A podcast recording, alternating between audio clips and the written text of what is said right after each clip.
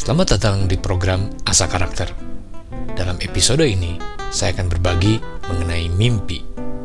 Di episode ini, saya berbicara mengenai kemampuan diri setiap orang untuk bermimpi, untuk memikirkan tujuan di masa depan.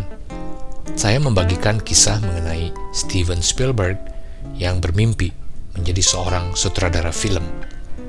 Mulai episode ini, saya membuat program yang berbeda, yakni berbicara dalam format waktu yang lebih singkat dari biasanya.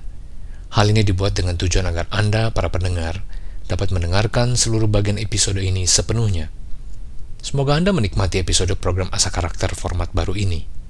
Jika Anda mendapatkan manfaat dan berkat dari episode-episode Asa Karakter, silakan bagikan kepada orang lain yang memerlukannya. Berikan komentar Anda di Instagram @asakarakter.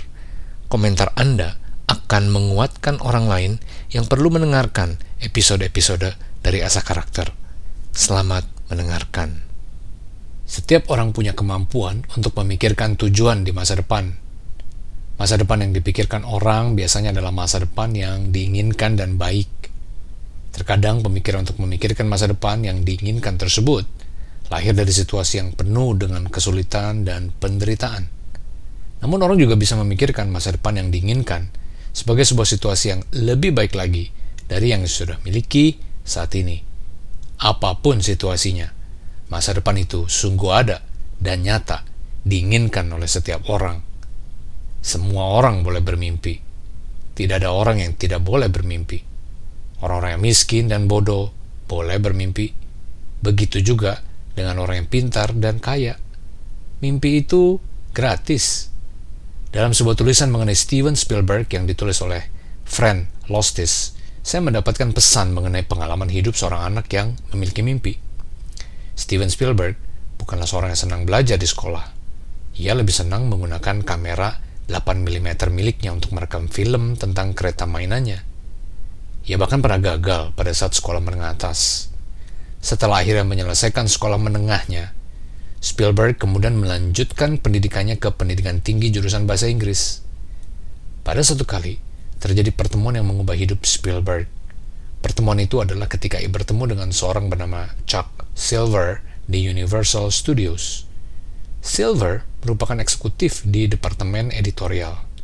Silver menyukai Spielberg dan mengundangnya kembali. Spielberg kemudian kembali keesokan harinya dengan rasa penuh percaya diri ia memasuki Universal Studios hanya dengan lambaian tangan kepada penjaga keamanan. Spielberg kemudian menghabiskan waktu sepanjang musim panasnya bergaul bersama para sutradara dan penulis di sana. Bahkan, ia berhasil menemukan sebuah ruang kosong dan melabeli ruangan tersebut dengan namanya sendiri. Steven Spielberg, Ruang 23C. Kisah Steven Spielberg memberikan suatu pelajaran bahwa mimpi bisa menjadi kenyataan Spielberg memiliki mimpi untuk menjadi seorang sutradara. Ketika di sekolah menengah atas, Spielberg berkata pada ayahnya bahwa ia ingin menjadi seorang sutradara. Mimpi tersebut menjadi kenyataan. Pada tahun 1975, Spielberg berhasil menyutradarai film Jaws yang menjadi film terlaris pada saat itu. Saya tidak sedang menjual mimpi, kalaupun itu bisa dijual. Siapa pun diri Anda, dan bagaimanapun ke keadaan Anda. Bermimpilah. Jangan terjebak dengan masa lalu Anda. Lihatlah apa kemampuan diri Anda dan apa yang paling Anda inginkan. Bayangkan masa depan yang Anda inginkan. Masa depan yang baik bagi diri Anda dan bagi orang-orang di sekitar Anda. Kita pasti senang kalau mimpi itu terwujud. Amsal 13 ayat 19a mengatakan, keinginan yang terlaksana menyenangkan hati. Semua orang boleh bermimpi kok.